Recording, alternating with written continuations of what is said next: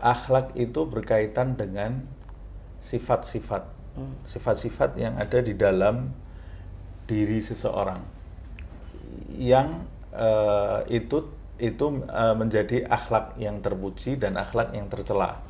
Dan itu sebetulnya akhlak itu tercipta eh, perangai seseorang yang muncul dari dalam dari dalam diri seseorang.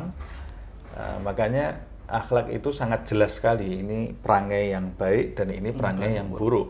Eh, sedangkan adab kalau adab itu eh, berkaitan dengan sikap, sikap yang mulia atau eh, ada kaitannya juga dengan etika. Kaitannya dengan etika. Tentunya mungkin adab itu mungkin lebih luas daripada Hmm, lebih akhlak ya. iya. Jadi akhlak itu termasuk bagian, Bagian daripada dari adab. adab. Jadi eh, orang yang beradab adalah orang yang berakhlak. Berakhlak. Tapi orang yang berakhlak belum tentu dia Iya, berakhlak. beradab gitu ya.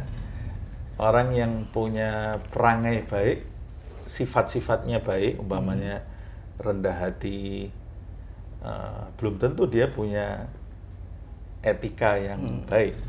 Nah, tapi orang yang beretika itu harusnya dia juga berakhlak karena akhlak bagian dari Dari etika dan Nabi sendiri juga mengatakan ada bani Rabbi fa ahsana ta'dibi kan. Allah mengajarkan adab kepadaku dan sebaik-baik pengajaran adalah pengajaranku.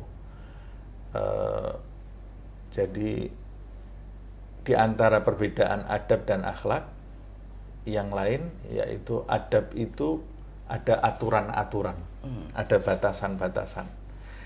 Jadi harus belajar adab itu. Kalau akhlak itu tidak harus belajar tapi pembiasaan. Kebiasaan.